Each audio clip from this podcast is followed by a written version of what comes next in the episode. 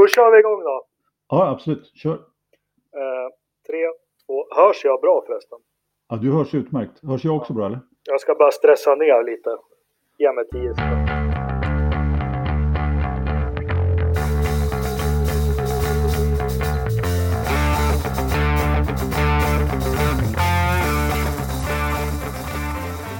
Hej och välkomna till Forsa-podden avsnitt nummer 46. Eh, idag har vi en duo. Det är jag själv, Jakob Engelmark, och med mig har jag Anders Löfström. Välkommen! Ja, tack ska du ha. Alo, som jag numera önskar bli kallad. Alo, precis. Och, och Sockersöta Ridderstolpe, han är på galej och Ternström har, har också upptagen. Så idag har vi bara två, men det ska gå bra ändå. Ja, men eller hur. Vi, får, vi känner oss lite ensamma naturligtvis, men eh, vi ska nog lyckas få ihop en liten eh, kort podd här också. Vi, vi, det har ju hänt en del, så att, eh, det är lika bra att försöka snacka ihop något. Precis, och vi, vi kommer ju inte ens vara två eller tre eller fyra på bollen, men det spelar ingen roll att vi är femma på bollen. Vi kommer ju självklart prata lite om dubbelracet Indycar Detroit. Eh, försöker prata lite inför Kanadas Grand Prix också. Sen har vi lite rykten här, förarrykten och, och, och ja, en jäkla cirkus som jag tycker du Eilo får redogöra för. Åh, tack ska du ha. Tack ska du ha. Ja. Nej, men det är ju så här, vi är ju som du sa, typ femma på bollen då. Men å andra sidan så, så verkar det som att våra lyssnare ändå tycker att vi kanske inte är den säkraste källan till som, kort och koncis information utan ser oss mer som en eh, form av underhållning får vi säga. Det, det är ju det är inte så illa det. Ja, men vi får väl starta ett Twitterkonto som heter Forsa-podden då så vi är med där det händer. du, vet du Jakob? Ja. Vi har ett Twitterkonto. Jaha, vi har det. Ja, men då får vi börja. Då får vi börja. Vi får börja sparka ut saker där. Ja, det är ju jag som sköter det, så att jag, jag lovar. Det, det heter ju visserligen Forza Motorsport eh, och jag är inte där så jätteofta, ärligt talat, men eh, när jag lägger ut något på Instagram, då brukar det rassla till där på ja. Twitter också. Så att... ja. Nej, men förra avsnittet, det kan väl utan av, vi som alla andra mediehus, vi avslöjar inga exakta siffror, men det var väl en, en liten topp i lyssnandet igen. En liten, en liten lyssnarsuccé eller poddsuccé förra veckan. Ja men helt klart och det ska det ju vara också när vi slog på stort och firade med Rich Energy och tårta och ettårsjubileum och alltihopa. Så nu är vi tillbaka i grå vardagen igen och det märks ju då eftersom det är bara du och jag på plats. ja. Att, eh, ja. ja, nej men det är ju, det är, för att börja med, jag har ju fått lite privata meddelanden och sånt under när podden kommer men ibland är det svårt att få ihop det och eh, utan att bli personlig och sånt men eh, det är student den här veckan och studentfirande och förberedelser. Eh, jag har börjat springa igen. Eh, har fått lite påbackning om att jag har trivselkilon. Jag vet inte vad det är, vad fan det ryktet det... kommer ifrån. Men jag, jag har börjat, i alla fall börjat springa igen. Så det, det, ja, men, ja, det, det, det är bra jobbat Jakob, jättebra jobbat. Du som har haft eh, brutna ben på alla möjliga sätt. Jag, jag som har, är klassisk gammal maratonlöpare i, i eh, massor med år har lite ont i knät så att eh, jag ja, försöker... Vad bli... har du för personligt rekord på maraton? Eh, det ska vi inte prata högt om. Nej, Nej. Nej det kändes Nej. lite, jag kan säga till alla, nu börjar det bli som en annan podd, men jag var ute och sprang igår senast, då sprang jag 3,5 kilometer. Ja. Och jag sprang långsammare än vad jag sprang 4,5 mil för tre år sedan. Det, det var rätt knäckande, men ja, ja. Jag ja, kommer igen. Ja. Så där är det. det, gäller, det bara man är ute rör på sig om man nu tycker om sånt så ja. det rullar runt lite. Ja. Det mår man mår bra som jag brukar säga. Precis. Men ska vi köra igång lite? Vi hade ju eh, helgen som var här. Först måste jag bara med alla diskussioner som är kring nya format och så i Formel 1, Liberty och håller på att diskutera vad man ska göra. Dubbelrace, Indycar, jag tyckte det var häftigt. Vad tycker du? Ja, jag, jag måste säga det att jag, jag, visste inte riktigt vad jag skulle förvänta mig av det här dubbelracet. Jag tänkte att ja, men det, måste, det blir lite för mycket sådär liksom. På, man är inte riktigt van heller på det sättet. Men jag måste säga att jag tycker att det blev eh, riktigt bra. Men samtidigt så första loppet blev ju helt och hållet bortregnat då. då. Så att, mm. det är klart att, eh, eller helt bortregnat blev ju inte, men det blev ju försenat och både det ena och andra. Och det är klart, hade det där varit på en söndag då hade jag eh, somnat in garanterat. Mm. Så att, äh, ja. För, första, ja, jag, jag såg det, det var ungefär 25 varv kvar. Sen, sen däckade jag på jag nattade så när jag låg och tittade på telefon. Så jag, jag vet inte riktigt vad som hände där. Och det, det är inte så där klockrent att se repriser och, och efterkänningar och sånt som det är med Formel 1. Men eh, redogör lite för första loppet, Anders. Ja, jag vet inte om det är så mycket att redogöra för egentligen. Men jag kände ju så här att man vill ju gärna att det skulle komma igång och de skulle torka banan. Jag vet inte hur länge och både ditten och datten för i början och jag menar Felix hade ju kvalat bra och så vidare och sen när väl loppet kom igång så var det ju gul flagg på gul flagg på gul flagg så att jag vet inte hur många grönvarv det var egentligen i det där loppet eh, på något sätt. Och det var, det var, för det fanns ju egentligen ingen chans för de för Marcus till exempel då som, som ändå hade bra fart redan på lördagen egentligen. Han kom ju ingen vart för det, det, fanns, det fanns ju ingenting att göra i stort sett. Så att, eh, och jag menar, Newgarden sopar ju hem det där ganska bra ändå. Så att jag, jag måste säga det att jag, minnet har nästan bleknat av lördagsloppet för det var ju ingen det var ju inget att komma ihåg förutom Felix fjärde plats då egentligen. Som, Skulle som, varit en tredje plats.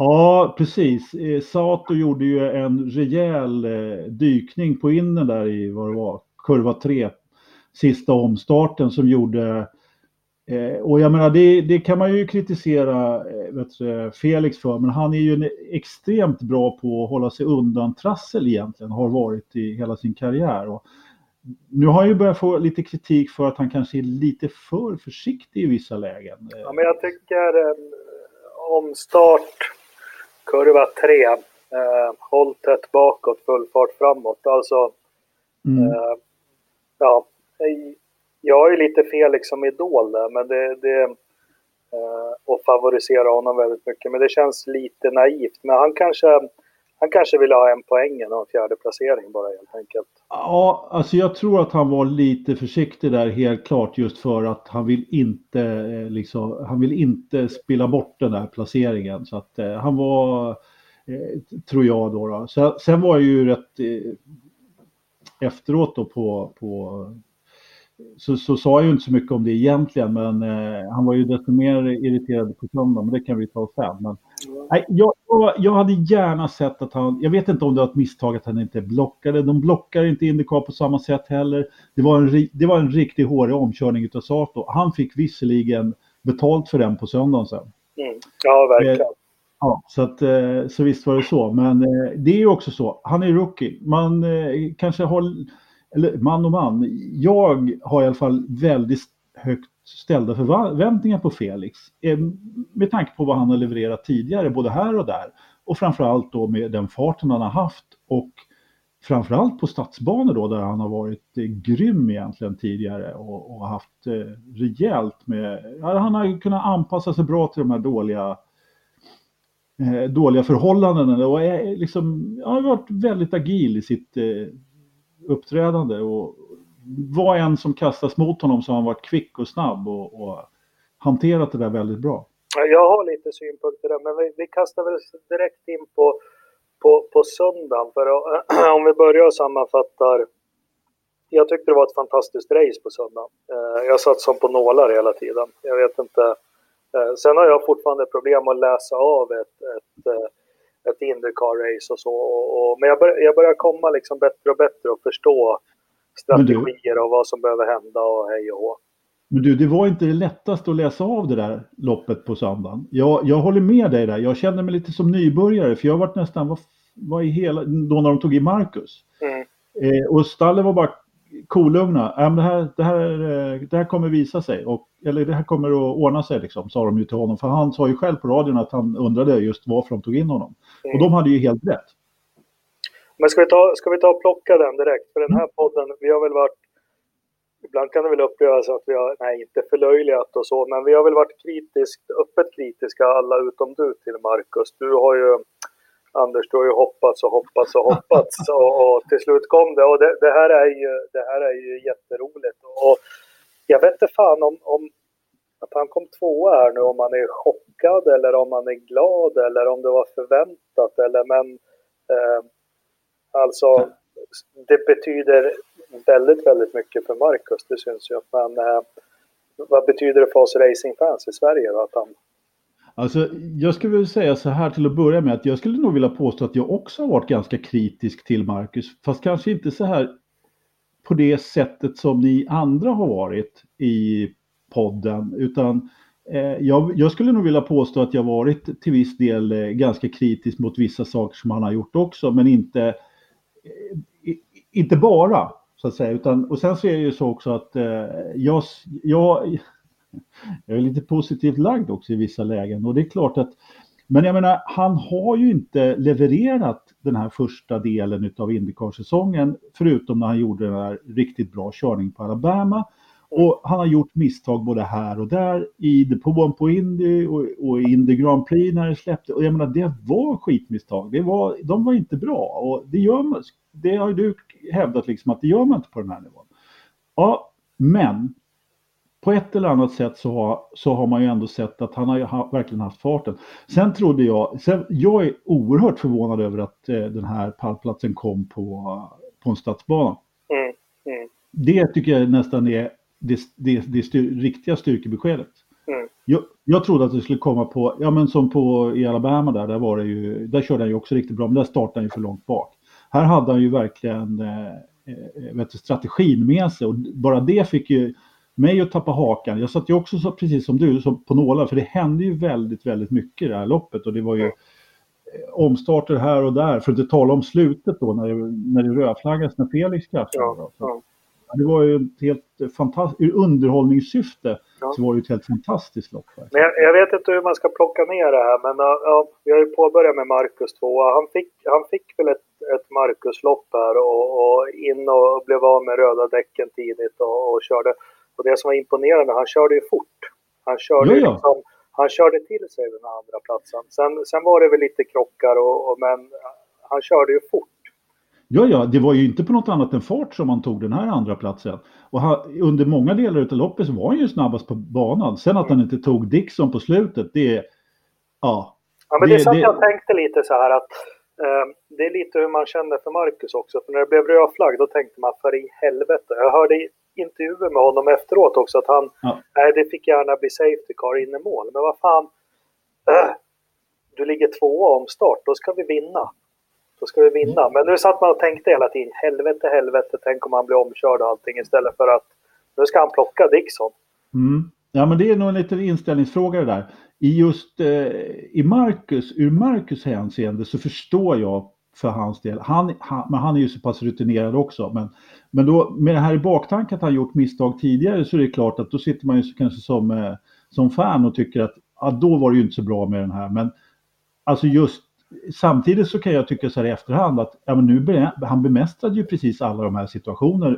Vilket ju gör, får, det gör ju att han går stärkt ur det här. Då, ja. eh, istället. Jag menar det var ju inga duvungar han hade bakom sig direkt. Och, Absolut. Och han drog ju definitivt ifrån. Men sen att, att Dixon inte gick att göra någonting åt. Det, sen om Dixon inte hade varit, haft den farten han hade i slutet så, så, och Marcus hade varit ytterligare lite snabbare Eh, på, på sluttampen där så vet man inte. Men jag tror inte Marcus hade gjort ett försök ändå. Han ville ha med sig den här pallplatsen ja. för att gå stärkt ur, ur det här loppet. Och det kan man ju se på precis hur man vill. Och jag kan hålla med dig där. Det, det, där, där ska man ju helt klart köra för seger eh, om man är en eh, racerförare. Så är det ju. Men samtidigt så har man ju viss förståelse för det. Ja men Dixon, vilken, vilken jävla räv han är. Det är helt sanslöst. Liksom, han, han märks aldrig. Du, du märker inte av honom, han är alltid där. Ja, ja, han har ju vunnit, liksom, är man femfaldig mästare i det där mästerskapet också. Det är ju som Ternström brukar säga, man måste ha en hög eh, lägstanivå. Mm. Man vet precis... ta... Ja, mm. ursäkta. Nej, då, nej det, var, det, var ju det, det är ju det som eh, varken Marcus eller Felix, båda två, ingen av dem har ju haft det. Så att, eh, håller på att jobba upp det i alla fall. Men det blir det här är ju paradoxen också med Marcus. Alltså ett sånt lopp han gjorde här nu i söndags. Han har gjort några sådana här lopp i, i Formel 1, men då har han ju kommit 11. Eller ja, 12. Precis. Ja. Och då, jag satt och funderade mycket, fan är det värt att liksom köra Formel 1? Det, liksom det leendet han hade efteråt och det kroppsspråket, ja, ja. det, det, det, har man inte sett på honom på väldigt länge. Nej du. Så, äh, och, Nej, men eh, det, där, det där är ganska intressant om, om du tar upp. Han kanske inte skulle, han kanske var i Formel 1 för länge. Och jag menar, mm. Formel 1, ja, vem skulle inte harva runt i Formel 1 och tro på bättre tider? Ja, alltså... det, det, är det där jag, vi diskuterade det i början av den här podden, många avsnitt och, och särskilt Ola och Ternström som är lite mer bevandrade i racingsporten. Men jag, jag har alltid ifrågasatt det där, man tävlar ju för att vinna och, och i alla fall i min värld är det så. Sen kan man ju alltid det går inte att jämföra rakt av, men som, som Marcus sa, att det var första gången sedan 2013. Alltså, tänk, tänk om man spelar tennis eller något och så har du inte vunnit en match på sex år. Nej, precis, precis. Äh, och det är klart, och då sent elfte plats som en vinst liksom. Ja. Ja. Vad kul är det då på en skala? Ja visst, han tog poäng sen då och, och i något lopp och jätteglad för det. Men det som du säger, han har ju fortfarande inte vunnit. Han har ju fortfarande inte vunnit lopp då, då men en andra plats är ju ändå att komma på pallen. Det är ju, en annan, det, det är ju ändå då får man ju åtminstone en buckla. Ja. Nej, men jäkligt kul. Om, om vi, alltså det ska bli kul. Jag hoppas verkligen han kan kapitalisera på det här. Nu, nu är det ju en Texas-oval här som kommer härnäst då, men, eh, eh, ja, men jag, jag, hoppas att han liksom har kommit in i, i zonen på något vis som han kanske inte har varit på länge. Och, och mm, nej. Ja. Nej men precis, och, och nej, men det, det, har ju uppenbarligen varit någonting som inte, eller någonting som inte stämmer, men han har i alla fall inte fått ihop det efter den här typen av skitmisstag. Och jag menar, det är precis som du ser, man såg ju på hela hans kroppsspråk efter den här segern att det är det här han har gått och väntat på, det märkte man ju liksom. Efter den andra platsen menar du, inte efter den här segern. Ja. ja. Det, det, var en, eh, vad heter det, freudiansk eh, felsägning. Precis. Men vi går på andra. Om to, who, to, not to may whom it may concern.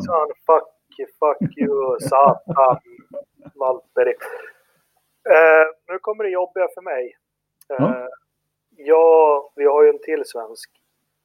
Eh, ja. Felix tilltalar mig otroligt mycket eh, fortfarande, men vi diskuterade det här innan, jag vet inte om det var någon tråd eller chatt och jag tycker Ternström sammanfattar väldigt bra efter loppet i, i han startade en tråd där på Forsa på Facebook. Men eh, Felix Uh, så det, det, är någonting, han dippar i alla lopp. Mm, precis. Jag tycker, jag, tycker, jag, jag, ser, jag, jag tycker mig se, om vi säger som första loppet, uh, han tog mig på sängen och, och körde av med omstarten och ledde. Sen liksom dippade han och det har varit så här varje lopp att han tappar tempo under ja, 10, 20, 30 varv under loppen. Uh, jag tycker det är bekymmersamt. Ja, men visst är det så. Eh, alltså, har, det är precis som du säger. Han har verkligen en period i loppen som inte, som, som, som inte funkar. Mm. Någon del som gör att han halkar lite efter och vad det beror på, det kan man ju fundera på. Om det tecken eller vad det är. Och, men samtidigt så håller han ju en väldigt hög nivå annars och, och så vidare. Och sen, sen i söndag så Ja, då kom ju till och med ett misstag som man inte har sett honom göra på, på jag vet inte vad. Sen om det var nu...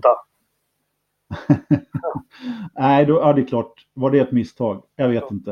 Eh, nej, men eh, alltså den här...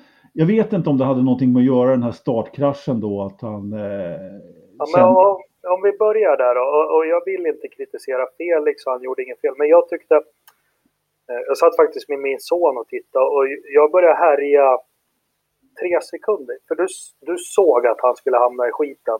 Yep. Eh, eller jag såg. Sen, jag, jag har ju sagt tidigare, jag är intresserad av det här mentala inom idrott och allting. Och, och jag har ingen jävla aning. Men jag bara misstänker att... Alltså, det, det var så tydligt för han... Det var inte Felix fel på något sätt. Han hamnade i mitten, men han bestämde sig inte. Det blev liksom Eh, jag går 40 kurvan eller jag backar av. Det blev ingenting. Ja, men det blev en mischmasch mittemellan. Han ja. eh, var inte tillräckligt aggressiv i den där. Han var inte tydlig. Alltså, Nej. Eh, Nej, men precis. Jag kan ju ingenting, men det, alltså jag, så mycket racing jag har sett, han var inte, han var inte tydlig med att ja, men jag, jag backar av och, och bromsar 30 meter tidigare eller jag håller i och tar den här kurvan. Sen var det absolut inte hans fel på något vis. Men... Nej, men eh, jag förstår precis vad du menar. Därför det, det där kan ju också vara ett svaghetstecken naturligtvis. Och det, då, alltså, när de här eh, rävarna eh, som har kört den här serien, jag vet inte hur länge, alltså de hugger ju som kobror på en sån här grej naturligtvis. Ja. Så är det ju. När Men sen, minsta, sen samtidigt vis, visar han ju ganska mycket kuk, om man får säga så, i närkamp mot Sato där. Men oh ja. jag, jag, kan bara tänka mig att du får den här... Eh, jag kan tänka mig att, inte att Felix är stressad, men han, han har ju skrivits upp, han har glimrat till, han har mm. gjort det väldigt, väldigt bra. Och så får du den här starten. Mm. Bara pang på det här loppet. Uh, och jag tror alla förutom Schumacher, uh, liksom att på något vis så sätter det här, det här sig i huvudet. Sen, sen var jag med och körde, sen överkörde han ju, hamnade i muren och, och trasig bil och så försökte han mm. och så var det godnatt. Och, och, och tittar man på det nu, uh, Chip Ganassi är ju inget, det är inget skitteam. Och, och uh, de vill väl ha poäng här snart, eller? Ja, det är klart de vill. Det är klart de vill.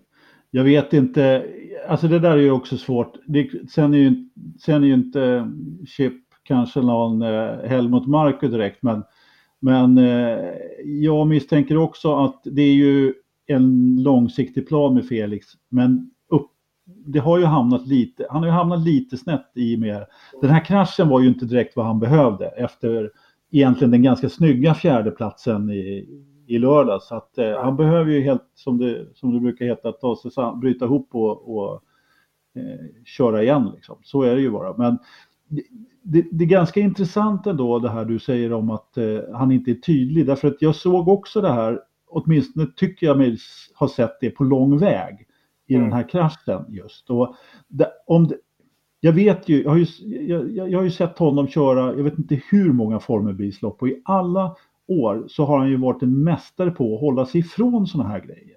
Och det är därför som jag, jag vet inte riktigt varför, om det helt enkelt är konkurrensen, om det är vad det är som gör att han inte riktigt eh, har den, liksom, där, där måste man säga, där kan man nästan dra likhetstecken mellan honom och Marcus, för Marcus är också en väldigt bra förare på att hålla sig ifrån trubbel på, på just den här typen av incidenter då så, som det handlar om. Och det är klart att må, båda de här två har ju gjort väldigt många gånger kanske hellre backat av istället. Eller tagit eh, en vidare sväng eller vad det må, må, vara. Men då har de också klarat sig väldigt många i, gånger i den här typen av tilltrasslade situationer. Och jag menar, ja, jag vet inte, den, eh, den var inte bra den där starten, så, så var det.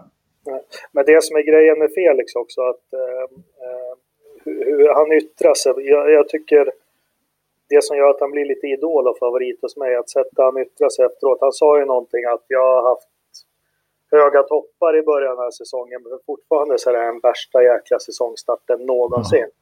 Och det är jättelätt att, peka på någonting i den här sporten att det är fel. Eh, men det enda han kan förändra, det är sig själv. Liksom. Det var ja, väl det... Något, sånt han, det är något sånt han uttryckt. Och, och eh, I min bok så är det en vinnare. Det är, min, det är i min bok också definitivt. Jag, jag, jag, såg också den där kommentaren och den är ju på något sätt väldigt klockren, vilket också gör att man eh, får upp förhoppningen eh, i, igen på något sätt. att eh, Han är ju inte nöjd själv direkt. Så är det ju. Där har ju Marcus en helt annan framtoning. Ja, det har, verkligen. det har han verkligen. Han blir lite mer grinig och tjurig. Men, ja. men precis som att han säger att det, det har funnits höjdpunkter, men ändå det är den värsta säsongstarten någonsin. Ja. Och, och och liksom, ja, men jag tittar mig själv i spegeln. Det är lätt att skylla på strategier och allt möjligt. Men, men jag, jag är med Felix en, en stor favorit hos mig. Jag, jag tror också att eh, just den här, eh, den här, det här att han säger det, det är också för att sätta en mental press på sig själv. Jag tror att han, han mår förmodligen bra av det tror jag. Är ju, han har ju förmodligen, eh, har ju också en jättepress på sig just för att ställa Chip Ganassi. Jag menar, han är ju en betalförare av rang, eller betalförare, han får ju betalt för att köra i ett av Indycars största team, eh, stall. Då, då, då ska man ju leverera också, så enkelt är det Då är han avlönad. Så, så kanske det kan heta. Ja. Det, det, och, och, ja, men, och han har ju ingen lätt eh, gosse att tampas med i stallet ja. naturligtvis heller. Precis som du sa, jag menar Scott Dixon. Alltså, han, han körde av på eget misstag i i lördag, på lördagen. Mm. När han blev intervjuad efteråt så var det, no, så var det han, eh, vad heter han då? Miller, som gubben där som har varit med i hundra år. Mm. Så, så, så, sa han till Scott Dixon, jaha, ja det här var väl första gången sedan 1972 som du körde av på eget misstag. Och det, det kändes ju lite så, för han har ju varit verkligen säkerheten själv. Alltså. Ja, men han är lite som engelsmännen säger när, när engelsmän förklarar fotboll så säger ja. de att en fotbollsmatch är 90 minuter, sen har Tyskland vunnit. ja, men lite så är Scott Dixon. Alltså, jag tycker, han är alltid med där och, och, och, liksom, och hugger. Men om vi tar hela... Det låter, man är lite sån här eh, kappan efter vinden, men alltså Indycar, jag, jag gillar det mer och mer allting. Och nu var det jättekul. Eh, Detroit, jag tyckte det var en fantastisk bana. Sen var det publik på läktarna. Det har, det har vi inte varit så bortskämda med. Det var mycket publik. Eh, bra väder. Jag tyckte, jag tyckte det här formatet med två lopp var skithäftigt. På, på IMS var det väl ändå lite folk?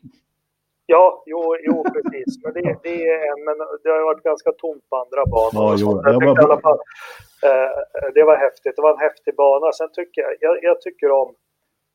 Alltså, jag känner mig mer och mer bitter på Formel 1, att jag har följt det så mycket. Allt ifrån hur, hur upplägget är och hur kliniskt Formel 1. Men sen sättet de kör på Indycar, du var inne lite på det, det är ingen så här vingla på raksträckor. Mm. Utan eh, du tar ditt spår och håller det. Sen är du tuff som fan. Du är stenhård när du väl går in i kurvan. Liksom. Ja. Eh, och det är ingen jävla gnäll på radion. Eh, vi hade Hinch som han så fint heter, kommer ut från depån där och, och kniper en plats och så blir det lite kalabalik. Eh, nu tappar jag namnet på. Newgarden. Ja, och vad säger han i intervjun efteråt? Det är ingenting Precis. att uh, bla bla bla blue flags eller skylla utan bara shit, jag skulle gjort det annorlunda. Jag skulle tagit ut den. Yep. Okej, okay, han kom ut, jag fick växla ner. Det var tråkigt, men det är upp till mig att lösa situationen och jag gjorde det jävligt dåligt och det är jag ledsen för.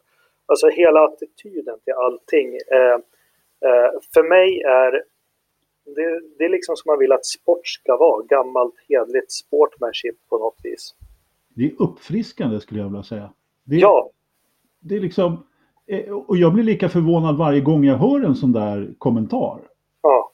Och visst, det gnabbas ju lite grann där också om någon som tycker att någon har gjort något fel, både här och där. Men just den där typen av situation. Eh, och Rossi var ju dessutom inblandad han också. Mm, mm. Nej, men just att han, att han det, det såg ju jäkligt eh, det såg ju konstigt Ja, men han kommer ut från depån sen, men det är ingen jävla gnäll. Utan man tar Nej. ansvar för det. Eh, det man ja, precis. Ja.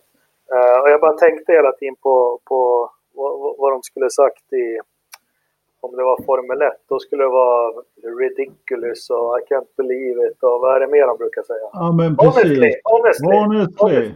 honestly säger de ofta. Disaster. Uh, Nej, men det är ju det är också det här att det ska, det ska det ska skrikas på radion för att, ja. eh, inte säga Charlie Whiting ska höra det, men ja. för, för, att eh, Race Control ska höra det, just det här politiska spelet. Ja. På sätt. Jag menar, här är det ju, ja, jag vet inte. Ja, men det är sten, stenhård racing.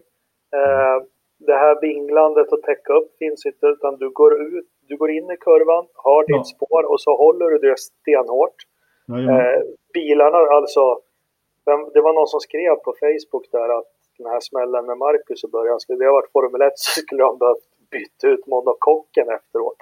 Nej, men, nej, men ja. det, de tål ju att, gå emot varandra lite och, och nej, jag, jag, jag tycker det är häftigt. Och, och Ja, alltså det kan man det är bara att titta på, det kan man ju tycka vad man vill om, men just att de är lite tåligare och, och det kör som poäng hela vägen ner. Det är bara att titta på Baudet liksom. Ja, ja. ja. Han, han, han flög ju över Spencer Pigott ja. Eh, då när han skulle gå, där Pigott skulle gå in i depån där. Ja. Och, och jag menar, hur såg hans bil ut? Ja, han körde runt ett varv och sen monterade de bort nosen och så fick han köra ett varv till så att han inte skulle bli av med ett varv. Sen monterade de på en ny nos. Ja. Och så var han ute och körde om placeringar igen. Ja, det är ju... Nej, men det, det, för mig var det, för mig behagar så liksom Indycar, det, det vinner mark. Och, mm. och, inte, inte, och det det gör för mig det är att vad fan har jag hållit på med som tittar på Formel 1? Alltså, nu har jag fått, som det så fint heter, benchmarkare liksom. Aha, racing, det är ju så här det kan vara. Sen är det intressant som Lill-Erik säger på, på Viasat att när de jämför tittarsiffror liksom eh, Monacos Grand Prix och, och, och Indy 500 så svenskarna ratar ju fortfarande Indycar. Det ja. tycker jag är lite spännande. Ja, det har inte jag hört faktiskt. Jag, jag, men däremot så kikade jag på eh, tittarsiffrorna för Detroit-loppen här och eh, ja.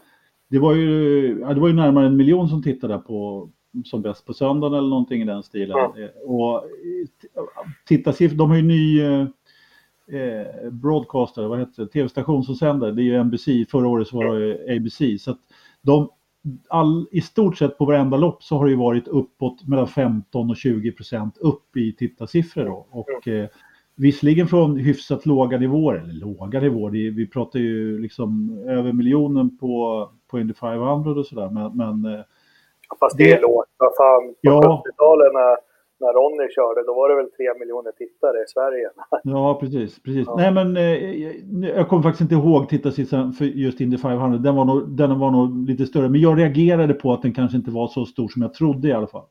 Mm. Eh, men då upp, här på Detroit så var det i alla fall eh, hyfsat nära eh, miljonen då och eh, som bäst egentligen. Och, ja, det är väl ändå så att det, har, vi har ju ändå en serie på frammar som, som funkar och som, som vinner mark även i Europa. Även om nu inte man fick drag, den här draghjälpen från Alonso som man egentligen hade hoppats på då.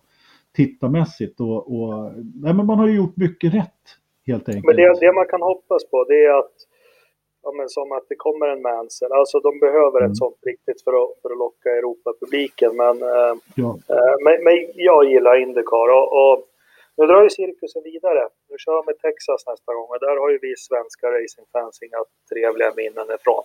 Nej, fy. Så, ja. ja 2003 nej. va, eller vad var det? Ja, 2003. Ja, ja, precis, 2003. Jag satt hemma i lägenheten och kollade på det där loppet och fick eh, när jag såg då, det vi pratade om är ju naturligtvis Kenny Brecks krasch. Och eh, när jag såg den i, då på tv live så gick det bara en kall kår igen längs ryggraden. Jag var ja. helt säker på att han var död killen. Ja. ja, det var nog många som var det. Den, den, ja, den är, den är eh, ruskig, men det är väl en bana som är ganska läbbig också va? Ja, jag vet inte vad man ska säga. Det är ju en sån här höghastighetsoval, superspeedway med rätt ordentliga bankningar och ja. absolut högsta farterna. Den har ju inte alls samma karaktär som Indy så att eh, med, med nedväxlingar och ah, man kanske växlar någon, någon, gång här också, men de har ju så oerhört små skillnader på utväxlingarna, men den är i alla fall eh, det blir någon ett, en lite annan karaktär på loppet. Mm. Där när vi pratar Indycar och hur, hur pass bra det är, så jag funderar lite på det just när, nu när vi kommer till Texas. För just på Indy, nu har vi ju varit på väldigt olika banor och det har varit väldigt spännande lopp och bra racing på den här typen av ovaler, ja det kan ju bli väldigt spännande racing där också men inte riktigt på samma sätt. Men på Indy så var det ju ändå oerhört underhållande. Och på en stadsbana där kan det ju alltid bli underhållande i nästan vilken serie som en, som en kör. Så det ska bli väldigt spännande att se faktiskt hur, hur, hur det ter sig på, på Texas. Mm. Nu vet jag riktigt om jag orkar vara vaken när den sänds men eh, man får väl helt enkelt eh, ta en eh, frukost eh, frukosttid. När, vilken tid är det då?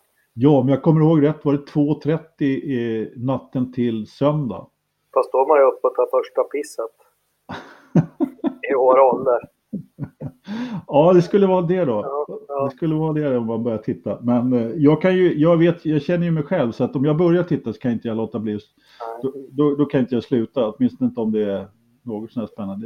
Ja, men det gäller, det, det som är lite svårt, jag vet jag retar säkert upp dig också, det man måste vänja sig vid Indycar. Jag har inte riktigt fått ordning på det här med sändningstider och Viasat och kval och hej och Alltså man är ju så jävla inkörd på att första träning 10.55, kval 13.55, lopp, alltså du är så inkörd på det här från Formel 1. Jag får liksom ingen ordning, jag kan inte jag kan Nej, tänka mig det här för Ridderstolpe med all, all, allt käk han bräcker i sig när det är motorsport. Det måste vara jättestruligt för honom också. Och planera menyn, ja precis. Ja. Så att man har koll på läget, så ugnstemperaturen och alltihopa där. Så ja. sakerna ska vara klara i, i, till racestart och sufflén den faller ihop och ja. ja. Nej ja, men eh, alltså en av de absolut bästa sakerna som jag alltid har gillat, jag gillar ju konsekvens, alltså när det liksom när det är koncist och samma sändningstid år ut, år in. Det, jag bara älskar det med Formel 1. Jag vet inte varför, det är väl min diagnos förmodligen. Ja, men jag är likadan. På torsdagar, rederiet ska börja 20.00. Ja, men... ja, ja, ja, men precis. Och, och, alltså, just nu att Liberty då har börjat rumstera om med sändningstiderna, det är, ja, det är inte så mycket så att man vet ju fortfarande på ett ungefär. Liksom. Men, Nej, jag tycker det är stökigt. Ja, jag tycker också att det är stökigt. Men här med Indycar så har det ju blivit ännu stökigare. Men då Ja. gäller ju helt enkelt, då får man ju lite hjärngympa. Då måste man ju kolla när, när loppen körs helt enkelt. Jag känner mig som ett jävla barn när man skriver till dig eller någon och frågar. Man, man orkar inte ens gå in på tv.nu eller något sånt där och kolla själv. Ah, ja. Skitsamma, vi stänger Indycar nu. Eh, Ja. Häftig helg, kul för Marcus. Eh, Felix tror vi på. Eh, häftigt format, eh, häftig racing. Ja, ja. ja men eh, fem Forza-loggor av fem möjliga till Indycar. Vi har lite Formel 1 där innan vi snackar upp Kanada. Det är så jävla mycket att snacka upp. Det är väl, det är väl lite Lewis Hamilton vinner. Eller förra året vann ju Ferrari. Men Men, men, lite ryk- rykten här som har varit om vi börjar plocka av dem. Vi har ju Alonso till Ferrari, Hulkenberg till Red Bull och Gasly till Renault. ja. Alltså Alo, om du börjar med Alonso. ja, jag vet inte vad jag ska säga om ryktet egentligen. Jag har, jag har sett det florera i, så, som Ternström brukar hänvisa till, italiensk press. Ja, Och, och, alltså, ja, nej, kan han italienska kanske? Jag tror det. Alltså när, Okej. jag, när jag var i Italien första gången, då, då, då, det var när jag skulle vara på se Imola 98, då tänkte jag att då ska man ju göra, man måste ju ta sedan dit den kommer. Så att jag gick in till tidningskiosken och köpte Gazzetto dello, dello Sport. Mm. Det är så man gör liksom. Och så tittar man på första sidan där. Jag kan ju inte ett ord italienska naturligtvis. Jag, kan ju, jag, jag, jag har inte kommit hem hungrig därifrån någon gång, men så många ord kan jag inte. Men i vilket fall som helst så, ja, så tittar man på första sidan. Ja, vad är det där då? Ja, det är någon jävla fotbollsspelare naturligtvis. Ja. Och, så, och så nästa uppslag, ja, då är det ju fotboll där och fotboll där. Och så nästa uppslag, fotboll, fotboll. Sida 5, då var det i och för sig väldigt mycket Formel 1. Men eh, där var det, eh, det var på, då var det under San Marinos GP och inför San Marino. Det var på sidan 5 i Gazettan. Liksom. Var det inte någon, eh, var det inte någon cyklist som kom före då? Nej, det var det faktiskt inte, utan Formel 1 var på andra plats då. Nu Ja. pratar vi ju Anno Dazumal naturligtvis. Men sen kom det lite cyklar också faktiskt. Det var det. Jag undrar vad jag har gjort av den där tidningen. Jag, jag vet inte, jag kanske inte fick med mig den hem en, ens en gång. Den finns på nätet. Ja, kanske det. Kanske det. Ja, men du har fan rätt. Ternström, han refererar ofta till italiensk media. Det, ja, men vi har aldrig synat den, den, den som han, som han spelar ut. Men, eh, ja, men Alonso till Ferrari. Ja, nej, vad- ja, nej, men eh, alltså själva ryktet, jag vet inte om det ens är någonting att kommentera. Jag tror att det är just det här spelet, alltså de, de måste hitta på någonting. Då har de lyckats hitta någon, eh, att han är nere någonstans och gör samma sak som han gjorde när han var kontrakterad av, av Ferrari. Om han var, jag kommer inte ens ihåg vad det var han gjorde för någonting. Eh, på något jippo på, där han syntes tillsammans med massa Ferrari-bilar och hur det var. Jag, jag, jag, vet, jag tycker inte ens, det är knappt ens värt att, och jag tror inte på det någonstans. Eh, om jag ska vara helt ärlig. Hur, hur skulle, vad, tycker, vad tror du själv? Du som kan Alonso utan och innan egentligen. Vad, Nej, jag kan ingenting, men han vill väl hålla sig... Han smyger ut ibland. Han säger väl att han kanske ska komma tillbaka till Formel 1 och det kan bli med Mercedes. Så han hintar ju, men liksom pojken eller gubben här han sitter ju en, han sitter ju i en omöjlig situation. Alltså, Ja, ja. eh, och, och, och vart liksom, ja det är Mercedes, men Lewis Hamilton, när man tittar på den här Netflix-serien här nu så får man ganska klart för sig att han kommer fortsätta köra. ja, någonting. Ja, Lewis ja. Ja, och, och, och jag tror inte det är aktuellt. Jag tror inte Toto Wolff och, och nu är Niki Lauda död och så. Men vad, vad, vad skulle de tjäna på att ta in Alonso där? Nej, nej, nej, nej. Jag tror... Ja. Jag, alltså, man brukar ju säga det att allting eh, kan hända i Formel 1 och det gör det också. Men eh, det ska nog... Jag menar till och med Kimi kommer tillbaka till Ferrari. Det var ju den största eh, tappade hakan på den här sidan. Så att eh, visst kan Alonso komma tillbaka men det håller jag för väldigt osannolikt. eh, Nej, men om vi plockar ner det bara rent logiskt eftersom du och jag är ju bokstavsbarn. Så här. Ja. Men, Okej, ja, men vad kan logiken vara? Ja, Mercedes vill sälja bilar i Spanien. Ja, men det tror jag redan de gör. Det är liksom... Ja. Ja, ja. Eh, Mercedes vill vinna lopp på VM. Ja, men det har de en kille som... ja, de har den bästa. Ja, eh, så, så det finns ju liksom ingen, ingen Nej. logik alls i, alls i det. Eh, Alonso till Ferrari, ja det... Jag, ja. jag, jag, kan inte riktigt his, his, kan historien, men jag menar, han har ju gjort bort sig där en gång redan.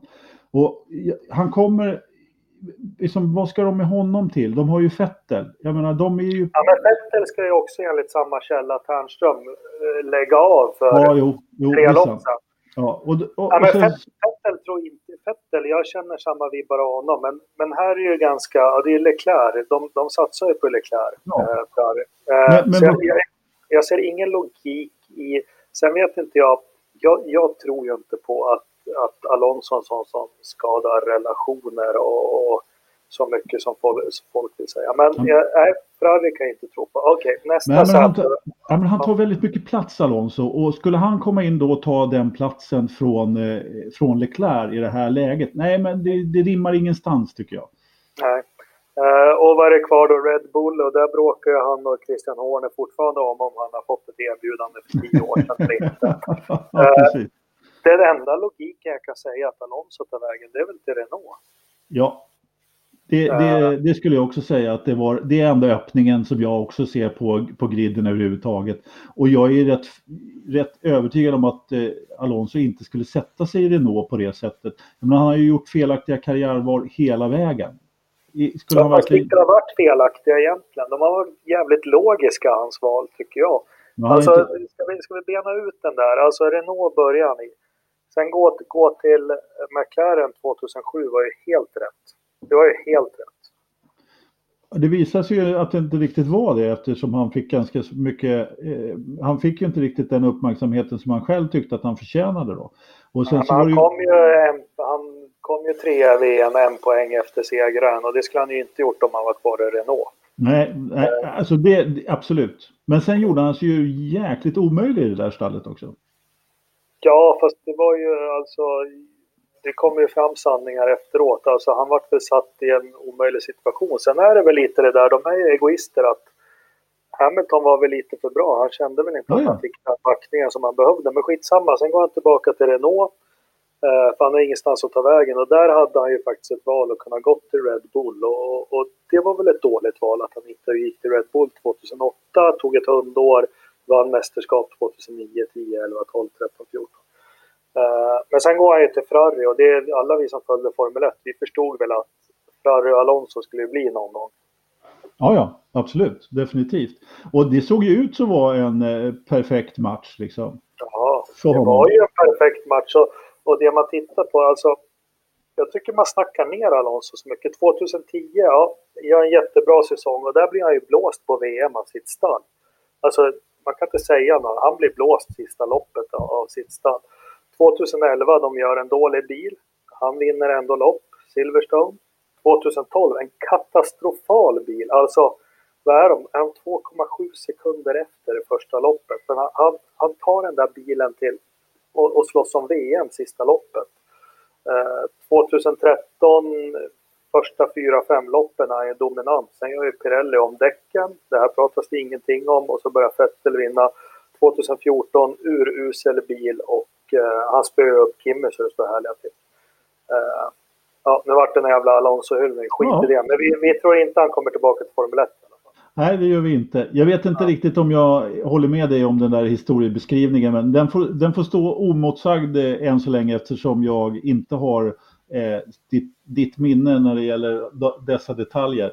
Eh, utan mitt minne är lite mer så här hit and run, vissa, vissa, vissa enstaka, enstaka saker. Men, eh, ja, men, får... men, men, men, också karriär, alltså med 2014, alltså han hamnar ju liksom, vad heter det?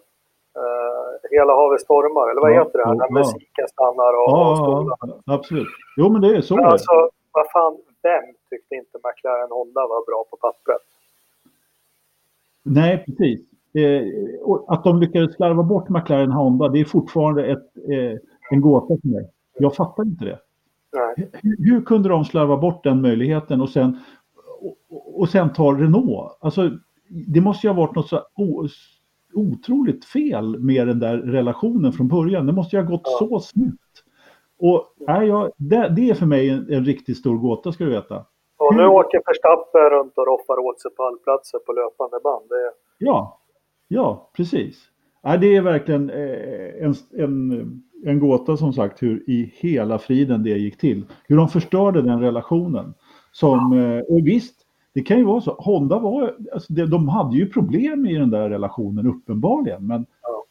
sen, ja, ja de, eh, de lyckades ju inte vända på det. Och jag menar, precis som du säger, nu är, är nu när de hade ju en helt, ett helt annat angreppssätt på samarbetet med Honda, både från Toro Rosso och Red Bull inledningsvis. jag, tror inte, jag tror inte bara på det heller, för att vad man säger att ja, men angreppssätt, men till synes och sist, alltså första två, tre åren, vad fan. Eh, de byggde ju motorer som inte höll i två varv ens. Nej, de var ju skitdåliga. Oavsett vad McLaren sa eller inte sa, eller åkte till Japan eller inte åkte till Japan, eller beställde en size zero och, och allt, allt vad det nu sägs, liksom så ja, men plocka ihop en motor som håller. Ja, ja, absolut. Alltså jag kommer ihåg den här jävla bilden, var det till och med 2017 när, när de hissar upp, det är en sån här lyftkran som, som drar upp ballongen. Jag måste hitta det någonstans. Ja, men de lyfter upp den från banan för han har fått stopp. Så det är ett stort jävla hål i, i golvet, det bara rinner ut motordelar. Det är det, Ja, men alltså jag tror ändå på något sätt att det där, det där är ju inte, det, man brukar ju säga det till sina barn, det är inte alltid, eh, två som tre, att det är inte alltid ens fel liksom, bara. Utan, eh, och visst, nej men Honda var ju inte bra, de hade ju pisstillförlitlighet, men någonstans så gick man ju fel omgående i början. Och jag ja. menar, det fan, verkade ju också som att, jag menar, japaner, jag är ingen mästare i, i eh, i, i folk och, och, hur folk funkar både här och där. Men de vill ju inte tappa ansiktet, så mycket har jag ju lärt mig. Och de är jävligt stolta och de vet liksom, det gäller att, att ta dem på rätt sätt liksom. Och jo, och sen så, de vägrar väl, de vill göra det på sitt sätt. Ja, precis. Och det är klart att kan man inte då som backa tillbaka lägga ner den här prestigen och ja, men, era motorer funkar inte. Och jag menar, det var ju en kravställning från början förmodligen som var helt, helt galen ifrån, det kan ju varit från båda håll naturligtvis. Nej men sen, det var, väl, var det ERS de inte fick ordning på? Det var väl liksom, det var väl mm. där det skit i samma. Men Zac Brown fick ju sin revansch för Pearl Harbor till slut. Så, ja. ja. ja. men då tar vi bort Alonso. Vi har ja. nästa rykte. Och eh, Hulkenberg till Red Bull. Och är det någon jag är trött på liksom. Eh, vad heter han? Nico Hülkenberg. Han, han är ju lika trött som, och intressant som Esteban Gutierrez eller något sånt. Alltså, eh, eh, ja, men han är, ja, men på riktigt. Vad ska, ja, Hülkenberg till Red Bull. Vad ska han dit då? Han hade ju söt hund i alla fall såg jag i någon intervju. Nej jävlar, han är, nej men alltså. Nej men alltså jag, jag, jag, alltså någonting som är väldigt logiskt är ju, är ju Gasly till Renault. Ja, eh, om, Hulk går till, om Hulk går till Red Bull. Men alltså jag håller med dig, jag har ingenting emot att man tar in en, eh, en ung frisk eh, förare i det där stallet istället. Nu har ju Red Bull inte så många, de har ju några på jäsning men, men Ja, vad fan ska Hylkenberg till Red Bull att göra? Det kan man verkligen fråga. Vem, vem vill ha, alltså, han har ju blivit synad i år. Ja. Alltså Ricciardo har gjort, och, och den går ju också under radarn. Det, det pratas och skrivs ingenting. Att senaste fyra, fem loppen har han gjort slarvsylt av mm. Hylkenberg. Och då ska Hylkenberg ha varit i det här stallet i flera år och liksom äga det och kunna det. Nej, han är ja, jag... jävla jag håller ju inte riktigt med om det. Vi pratade om det i förra podden. Men, ja. eh, utan jag, ska, jag, jag, jag anser inte att han har blivit helt synad. Du har helt rätt i att han har gjort slarvsylta utav, eh, att Ricardo har gjort slarvsylta utav Hülkenberg. Men han har, han har inte varit sitt vanliga jag. Och det är ju också att, att han inte är bra naturligtvis. Men eh, jag tror att vi, lite beroende på, men på något sätt så undrar jag egentligen varför, varför har de inte gjort den här bytesaffären redan? Det, det känns nästan som att den är på gång nu.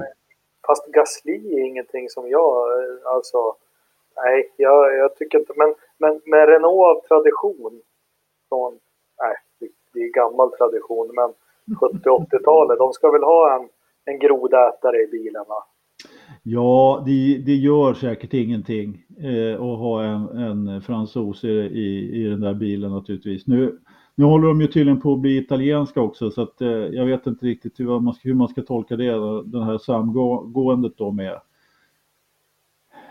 Fiat Chrysler eller hur, hur i hela friden det var. Men jag vet inte i, i den där soppan överhuvudtaget. Men alltså, jag, på samma sätt som Hylkenberg har varit, eh, inte visat någonting i år i stort sett på, på, på eller på, på flera lopp senaste, senaste fem loppen så, så har ju Gasly haft en uppförsbacke utan dess like egentligen.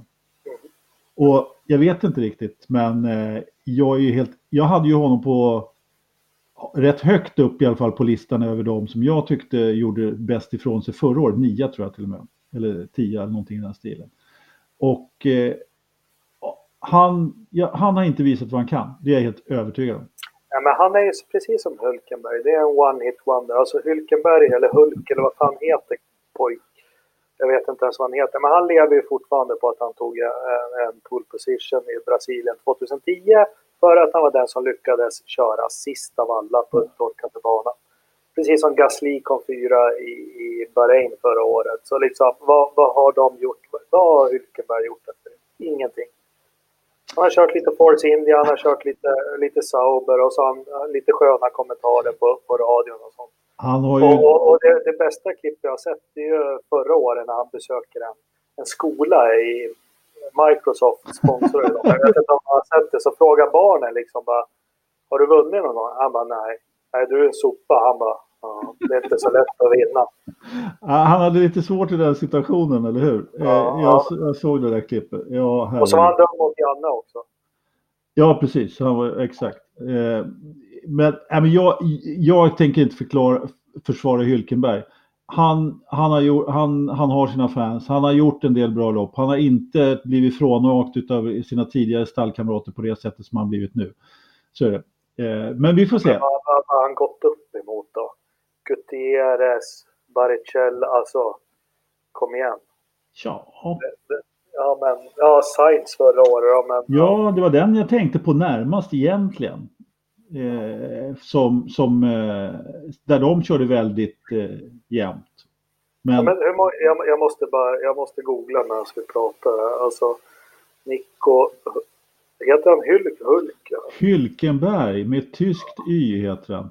Nej men han, eh, han har ju sin statistik jämfört med, med sina, jag har inte detaljkoll på den heller, men jag tänker de, de här närmaste säsongerna har han inte gjort bort sig. Det har han definitivt inte gjort. Lite... Han har kört 164 lopp. Ja. Han har inte stått, nu, nu har han kört i fabriksteam i, i, flera år. Han har inte stått på pallen någon gång. Alltså 164 lopp. Eh, sen när han körde 161 lopp och dog. Ja. Alltså, eh, nej kom igen nu. Ja, men vi kan, vi begraver, eller begraver ska vi inte göra, men vi, vi, vi, vi skippar Hylkenberg. Jag är ingen stor Hylkenberg-fan heller, så att, eh, men jag, jag tycker att eh, han är, vi får honom att låta lite värre än vad han är. Apropå många lopp, körda lopp så, så har vi en kille som körde sitt 300 GP här i, i Monaco. Det pratar vi inte om faktiskt. Han, han, är inte så intresserad av den där typen av statistik heller. Själv. Nej. Kimi som, som var den som, han körde inte sitt 300-lopp men han startade, de, de säger det där på något sätt, startade sin 300 GP-helg eller vad fan. Mm. Det var, vad var det, det var ett det var USAs GP, sen var det nog mer då som han inte körde. Vad, vad var det för någonting? Det, borde, det kommer du ihåg säkert. Nej men vänta, USA. Ja, räknas inte det som start? Nej, det räknas inte som start. De körde, han körde inte det. Han har inte tagit målflagg i alla fall eller? Nej, men du, han opererade ju ryggen där 2013 i Lotus. Eller operera, nu gör jag ett så här citattecken. Ja, men, eh, han hade ju inte fått pröjs, han stod ju över. Det var ju, vad hette den jävla finnen då? Kovalainen ersatte honom två sista ja, loppen. Så USA 2005 räknas som en start tror jag. Ja, kanske gör. Nej, men för ja. det, det, var så här att han hade varit på, på, på 297 helger och eh, så att säga och kört träningar och kval, men eh, hade bara hade inte 300 starter så att säga. Men eh, ja, just det, det var när han inte fick pröjset av, eh, vad hette han då? Eh, Lotus, han har fortfarande inte fått pröjs. Polier och, nej vad hette han som? Han som väg, ja, strunt samma. Nej, kom igen Lopez. Lopez, Lopez, Lopez. Det blev lite ja. vildpodd här, här på slutet. Men vad jag skulle komma till egentligen var ju att eh, då kommer ju journalisterna, de älskar ju sån här statistik naturligtvis. Som säger, om du kör nästa år så hela säsongen så har du ju kört flest GP. Ja, säger han. Ja. Men det har ju blivit lite lite inflation i det där också. För jag tänker en sån som Lillövis, vad tror jag han har? 79 starter. Han var liksom veteran. De kör ju så jäkla... Marcus, han kom väl upp i... Men ta en sån som Jackie Stewart. Ja, Enfaldig världsmästare, 27 vinster. Han 99 lopp. ja precis. Han är inte Han ens skulle ha kört. avrundat på 100, men han valde ju inte att ställa upp sista loppet som Sever högg av huvudet på sig själv på Watkins Glen. Ja, just det. Precis. precis. Eh, och, och, och Ronny var ju veteran, 123 starter. Och Mm. liksom, då tyckte man 123 starter, när du läser artiklar, alltså då är du ju på väg neråt. Alltså jag kommer ju ihåg när Patrese to- körde sitt sista 252 eller 256. 256. Jag kommer, ihåg, jag kommer ihåg när Chuck Lafitte skulle ta rekordet på Brands Hatch 86. Det var Graham Hill som hade flest starter. Eh, 176 stycken Ja. tror jag det var. Och, och, och Lafitte han kraschade då och, och bröt benen så det blev ingen rekord. Åh fan. Ja, det, det, 86, så, ja. då är du äldre än mig för det kommer inte jag Men, men, men eh, vad skulle jag säga? Eh, eh, jag, men men just jag tyckte det var så intressant det här med för att han var, Patrese hade ju ändå slutat köra. Alltså det där rekordet, eh, det, det stod sig väldigt länge. Eh, tills, Det var Baricello som tog det va? Ja, Baricello, precis. Han har, han har ju fortfarande mest eh, start. Jag kommer, inte, jag kommer faktiskt inte ihåg siffran just i detta nu. Eh, Alesi tog väl 200 lopp också bland annat. Och Schumacher körde ju inte en liten del lopp han heller. Han var ju Ja, långt över 200 också. Så att, Men, eh, ja, men Baricello, han, eh, ja, men alltså, han är också, jag tror han är så här 326 eller något sånt. Ja, det är lite, ja, 300 är ja, fast de är inte helt överens om siffrorna. Skit i samma. Ja. Eh, strunt i samma. Strunt i samma. strunt i samma. Men det är klart, Ja, nu, men lite, när vi, lite, ja, ja, nej, kör. Jag skulle bara säga att eh, nu när de kör eh, tre- 300 lopp om säsongen, 21 lopp på säsong, så är det lätt, lite lättare att, att, att rulla till, precis som, var inne, som du var inne på. Det. Ja, nej men ja, nej, nej för fan det har gått inflation i allting. Eh, ja, men du är lite, det känns ju inte så spännande om vi ska avrunda det här med lite Kanada här. Det är väl som jag sa, tyskarna och fotboll, men Kanada det är 78 varv, sen vinner Hamilton. Nu var det i och för sig Vettel som övertygade och vann. Mm. Jag tycker om Kanada. Jag tycker det är en häftig bana och, och ja. Ja, alltså Formel 1 har ju inte visat sig från sin bästa sida den här säsongen. Det har ju varit eh, tråkiga lopp, eh, folk klagar, även om man kan tycka att vissa eh, att det har varit några, några ändå hyfsade tillställningar och så vidare. Men eh, jag har faktiskt ställt, ställt mina förhoppningar lite grann till Kanada. Jag älskar den banan. Jag tycker den är helt fantastisk. Eh, Den är, har allting som en Formel 1-bana som jag vill se har. Den har liksom eh, hårnålar, raksträckor, en mur som de flesta har kraschat in i, ställen att köra om på. Inte lika klinisk som eh, Tilkebanorna. Det är en per, ja, det, det är ju en permanent stadsbana eller permanent racerbana men ändå inte. Men du, på tal om det, Tilke. Jag måste rekommendera alla.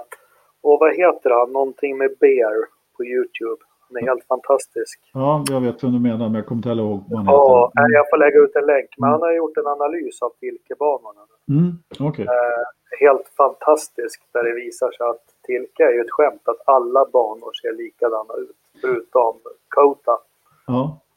Ja, Eh, men, lång raka, hårnål, tre snabba kurvor efter varandra.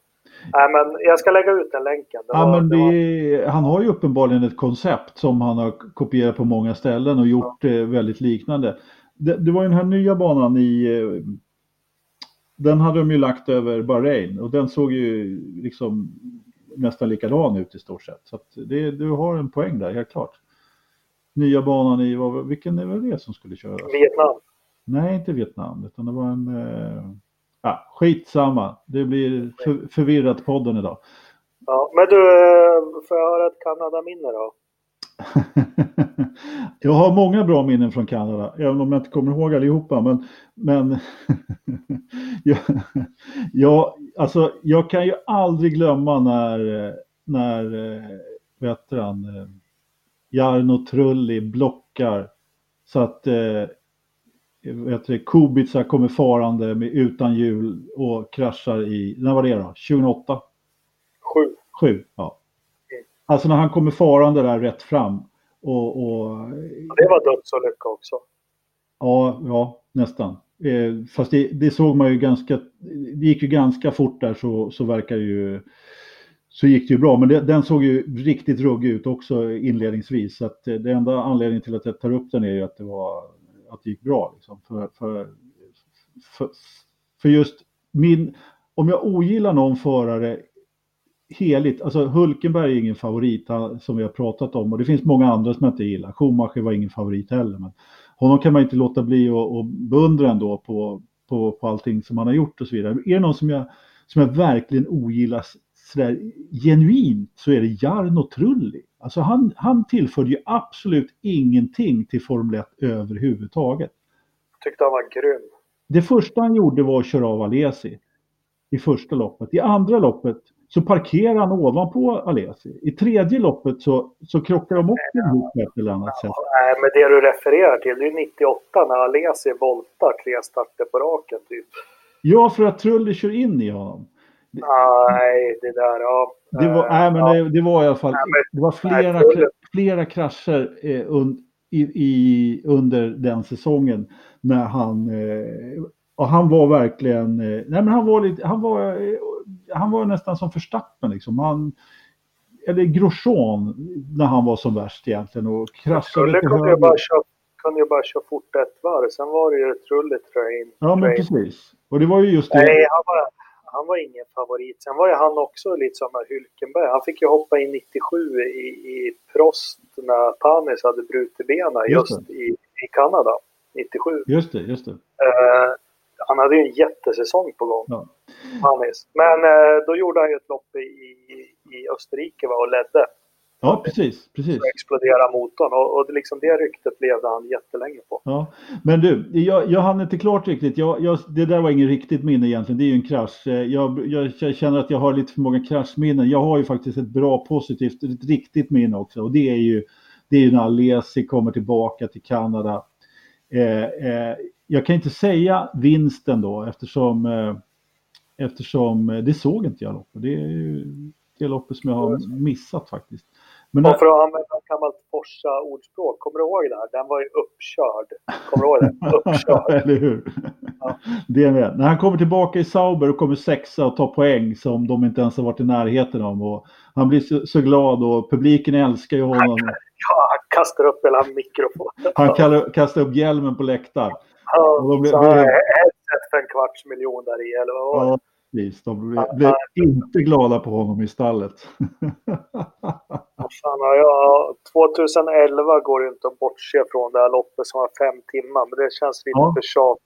Det, det, eh, jag, säger, fantastiskt. jag säger Nelson Piquets sista seger eh, 1991. Ja. När Nigel Mansell, det här är alla som har läst Nigel Mansells bok, han, han, alla vet att han vinkade i sista hårnålen för han var så överlägsen. Och kom åt master switchen på, på instrumentpanelen och stängde av sin bil. Men Mansell hävdar till och med i sin bok att det är något med drivbältet och sånt. Och det här har ju Patrick Head och alla dementerat. Det var inte direkt när de fick tillbaka bilen i depån så startade den. Det var inget fel på den bilen. Skitsamma, då vann ju Nelson Piquet sitt sista lopp. Jaha. Ja, det, och Nelson det är min första idol i Formel 1. Just det. Att jag, jag har det här, nu när du berättar det här, så jag har ju det på näthinnan verkligen. Eh, när, han, eh, när han, bilen bara stannar och det, det, är inte långt kvar till mål heller. Nej, det är efter hårnålen. Han ja. har ju bara rakan och, och, och chikanen kvar. Ja, visst. Att, ja, helt sanslöst verkligen. Helt sanslöst. Sen frågade han Piqué efteråt, do you feel sorry for Manson? No. Vad fan, de klagar på honom att han inte hade kostym på sig på Nickis begravning. Vem då? Det var en lång tråd på Forza med, med eh, Pikés klädval. Jaha. Mm. Jag, jag blir vansinnig på någon som kritiserar Piqué. Han är husguden. Han hängde dessutom på Alesi där. De såg ut att Jo, han, han har väl procent på alla Alesis intäkter. Ja, kan, kan inte gjort honom speciellt rik då. Ja men, det, ja, men han rattar ju ihop, det var vi inne på sist. Ja, Ferrari-kontrakt åt honom. Nej, ja, ja. men Piqué, Piqué är ju en, en uh, ja. Mm. men jag gillar den här Eran Piqué och, och lika den här Beyond the Grid kom ju ut häromdagen och då var det en annan favorit, Gordon Murray. Ja, uh, Ja, och äh, men det rekommenderar jag också alla att lyssna på. Gordon Murray är en sån här, också en husgud för mig. Vilken, vilken kille! Ja, verkligen, verkligen. Definitivt. Ja, vilka snubbar det var förr i tiden. Han, jag har ju läst mycket om Gordon Murray just, men han, han drev ju Brabham själv. Alltså i stort sett hela 70-80-talet. Han ritade och, och, ja, ja, ja, gjorde allt. Han gjorde precis allting. Och, och det här har jag tänkt mycket på, för vi pratar ju ofta om så här designers, att nu är eh, ja, med Adrian Newey Red Bull och nu har McLaren värvat den och den och James Allison till Mercedes. De här ritar ju inte någonting. Nej. Och... De organiserar ju bara team. Ja, och det där tror jag är, det där tror jag att du slår lite huvudet på spiken för att jag tror att det är nog svårt att vara den typen utav, alltså vissa människor har ju verkligen den här eh, förmågan att sätta samman ett team som jobbar åt samma håll och sätta ihop. Men du vet den här typen av konstruktörer som är så här, som, som, alltså de behöver på något sätt ha ganska stor frihet ändå att kunna göra väldigt mycket. Medan ett modernt formellstall har jag absolut ingen insyn alls men, men det, man, det man har förstått är ju att det är väldigt många delar som ska sys ihop och det är klart att Ja, det är nog fasken inte det lättaste och det är precis som du säger, de är ju företagsledare på ett annat sätt. Att då både vara konstruktör och få ihop det här, nej det är nog svårt. Jag vet inte om det behövs. Alltså, saknade du den tiden? Det är inte så länge sedan man visste att Gary Anderson har ritat den här bilen. Han har verkligen ritat den här bilen. Patrick Head har mm. ritat den här bilen och, och jag saknar det. Nej. Nu sitter de, det är 1200 man enligt italiensk media som ja, men lite så. Jag, jag, jag, jag kan inte, inte säga att jag saknar det faktiskt. Eh, det kan jag inte göra på något sätt. Ja, men vart har vi de här? Colin Chapman, ja. Gordon Murray, John Bernard, ja. däremot, eh, ja, däremot så kan jag sakna just det. Att, att det inte är den typen av enbilsstall eller eh, alltså de, den typen av personligheter på samma sätt som rådde stallen utan nu är det ja, det, jag menar, det, det, är precis som vi också har pratat om tidigare, att det är stallchefer, det är inte ägarna som är där, utan eh, på ett annat sätt. Och där har du igen lite parallellen till Indycar. Ja, men det, det är, vem är det som sitter där på, på depåmuren och, och snackar? Jo, det är Chip Ganassi som äger stallet. Vem är det som står i Penske och blir intervjuad? Jo, det är Roger Penske. Även om de är inte är konstruktörer så är det ändå de som, de som är stallet på något sätt. Och det, det kan jag sakna lite grann. Jag saknar konstruktörerna. Det, de ja, nej, men jag förstår, jag förstår. Jag saknar, som jag aldrig trodde, det här får inte säga till någon, VJ Malja. Ja, men det, det gör jag med. Fan, en, ja, han en var ju... indier som gillar bärs, det är väl... Ja, men han var ju en profil liksom, ja, på det sättet. Ja. Ja. Ja. men jag saknar väldigt många människor. Jag saknar Gardner och Ken Turell. Ken Turell, det var ju eh, han och eh, Harvey Postlewhite var ju mina absolut favoriter faktiskt. Ja, Postlewhite, han var ju också, ja. ja. men det var väl Derek Gardner som ritade, Först. ja skitsamma. Ja. ja, där 73 va? 72 ja. gjorde de sin första bil i en jävla brädgård. Ja, det var hemma på hans tomt, i en lada. Ja, Ja, en brädgård. Ja, ja det kanske var. Ja. Nej, men jag har sett bilder på det där huset. Det, det var, ja, det var gläspanel liksom. Det, det blåste, ja, det var ja. Där blåste det rätt igenom. Ja, fan, det var, ja, men då fick de ju, behövde de ingen vindtunnel. Nej, fan. Den engelska, på, på engelska vinden, det var ju bara att fästa lite garnnystan där, så, eller garntårta ja. liksom, så såg man ju vart det blåste någonstans. Det är inga problem alls. Det ju till och med du och jag fixat. Svunna tider. Eller hur? Harry Postlewhite, ja men han... Var inte han, dog inte han där?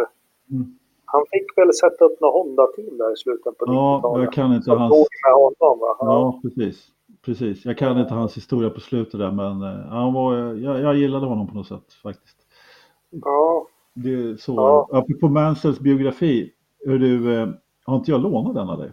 Jo, jo den, den, den och, och 7000 spänn lånade Ja, just det. Precis. Jag, jag tror jag har fyra stycken sådana här eh, biografier som jag lånat av dig hemma och jag har inte läst någon än. Men, eh, ja. Ja, det, Jag har så mycket, är det någon som är intresserad? Jag har så mycket Formel 1-böcker och så har jag så rensa i förrådet här om dagen. Alltså jag har en hel, två hela garderober, garderober med F1 Racing. Okej. Ska, du- ska, Och tre banankartonger med bara tidningar och artiklar om Ronny. Okej. Ja, jag, jag har faktiskt två årgångar Teknikens Värld med lite reportage och grejer som jag brukar ta fram och titta på igen. De har jag, faktiskt, de har, de har fått utav någon så jag har faktiskt inte läst igenom allihopa. Jag var Det är från vilka år? Ja, det är 75, 76 där någonstans. Jag, jag måste kolla. Men ta lite. med dem nästa gång. För, ja, men 75 har jag mycket Teknikens Värld ifrån. Men eh, när Ronny skrev krönika, fan vilka bra reportage det var. Ja, men det var riktigt bra. Riktigt bra var det. Men, eh, men sen så hela 2000-talets eh, autosport också naturligtvis. Eh, varenda vecka och Schumacher vann varenda lopp. Det, de är jätteintressanta. De, Autosport är fortfarande bra alltså. Jag tycker om, ja, fast jag inte fattat. Är de, är de det här motorsport.com? Är det samma? ja, det är samma, samma, Ja. samma, samma företag. De köpte upp det överhuvudtaget. Nej, men det finns ju en del kul. Nu kanske vi... Men de har ju också, precis som Forsa-podden, de har ju en astjock kille som kommer ihåg allt. Ett strå- ett strå, det är deras Jakob Engelmark. Jag skulle vilja, fan kan inte någon sätta ihop honom och mig och ta någon så här riktigt att vi battlar någon gång? Ja, jo, men eh, det Jag var tror fan han är strået vassare för han vet så här små jävla detaljer som inte... Men om du vill ha... Alltså, jag är ju inget motståndare i de här, i de här battles för att komma ihåg. För jag, det är som sagt, jag är bara punktminnen från sådana här prylar. Men, men eh, om, vi, vi kan ju se om vi kan eh, ragga fram någon som kan ha ett litet minnesbattle med dig med, på, på något kan specifikt. någon skriva till Autosport och säga att jag, jag, jag borde få med en podd eller någonting där med ett strå. Vi kan sitta och vara skitfeta ihop i, i Ja, och se proppmätta ut och snacka gamla minnen. ja, ja det, är, det är inte fel. Jag kan, eh, jag kan vara med och eh, inte tillföra något. Ja. Nej, vad fan Alo, nu ska barnen nattas och, och eh, jag måste ut och springa och, och, Ja, och har, allt. har, inte, har inte folk till sånt? Inte ut och springa då, men natta barnen alltså.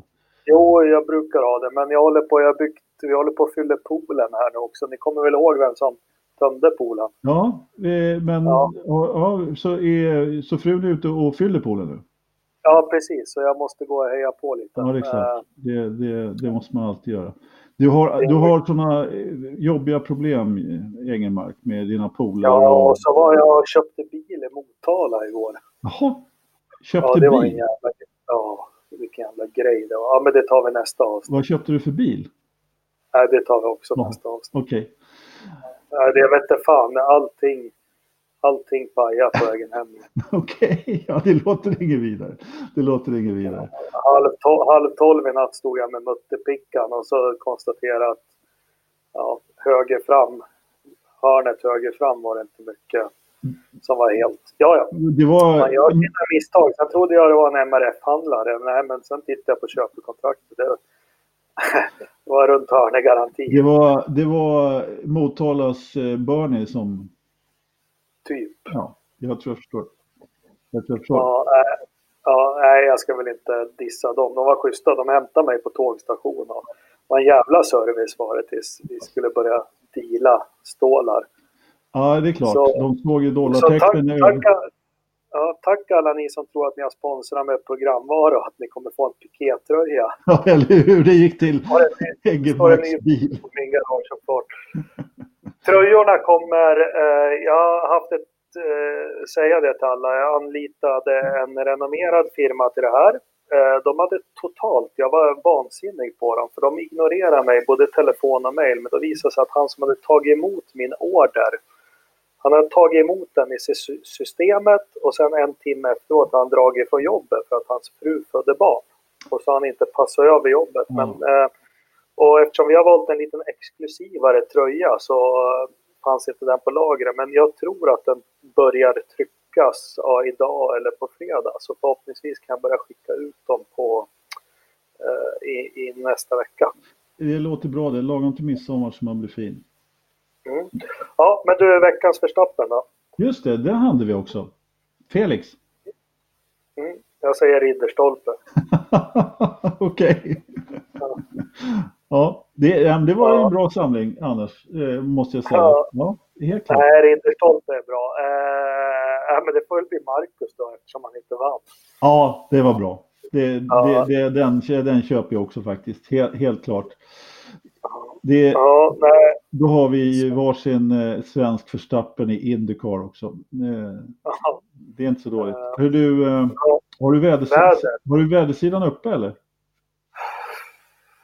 jag börjar nästan luta åt Tärnström att det, Att vi, ja, nej, vi får köra den bara jättefort. Ja, men, eh, oh, fan, jävlar. Du, vi hade, vi hade, vi har ju firat student idag ungarnas kusin. Det var 29 grader där jag var. ja, Men hos Pastis så har det varit 13,8 som varmast idag.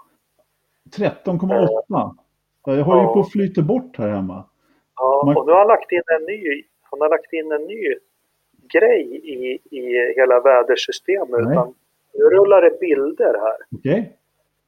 Rullar Och bilder S, på, på, ja, S, på datorförrådet? garageuppfarten och från någon jävla fjällkåta eller Jaha. någonting. Men, Okej. Ja, ja. ja, eh, vindriktningar, prognos, ja, sol, stigande vindar. Han har bytt bil också, han med. Eh, ja, men vi tar 12,5 grader ute just nu med datorförrådet då. Ja, men det är ju det är förmodligen, om det har varit sådär kallt, då är det kallt i datorförrådet. Det är, det är 17 grader där. Nej, det är 19 grader så Jaha. det Ja, ja. börjar pipa ner.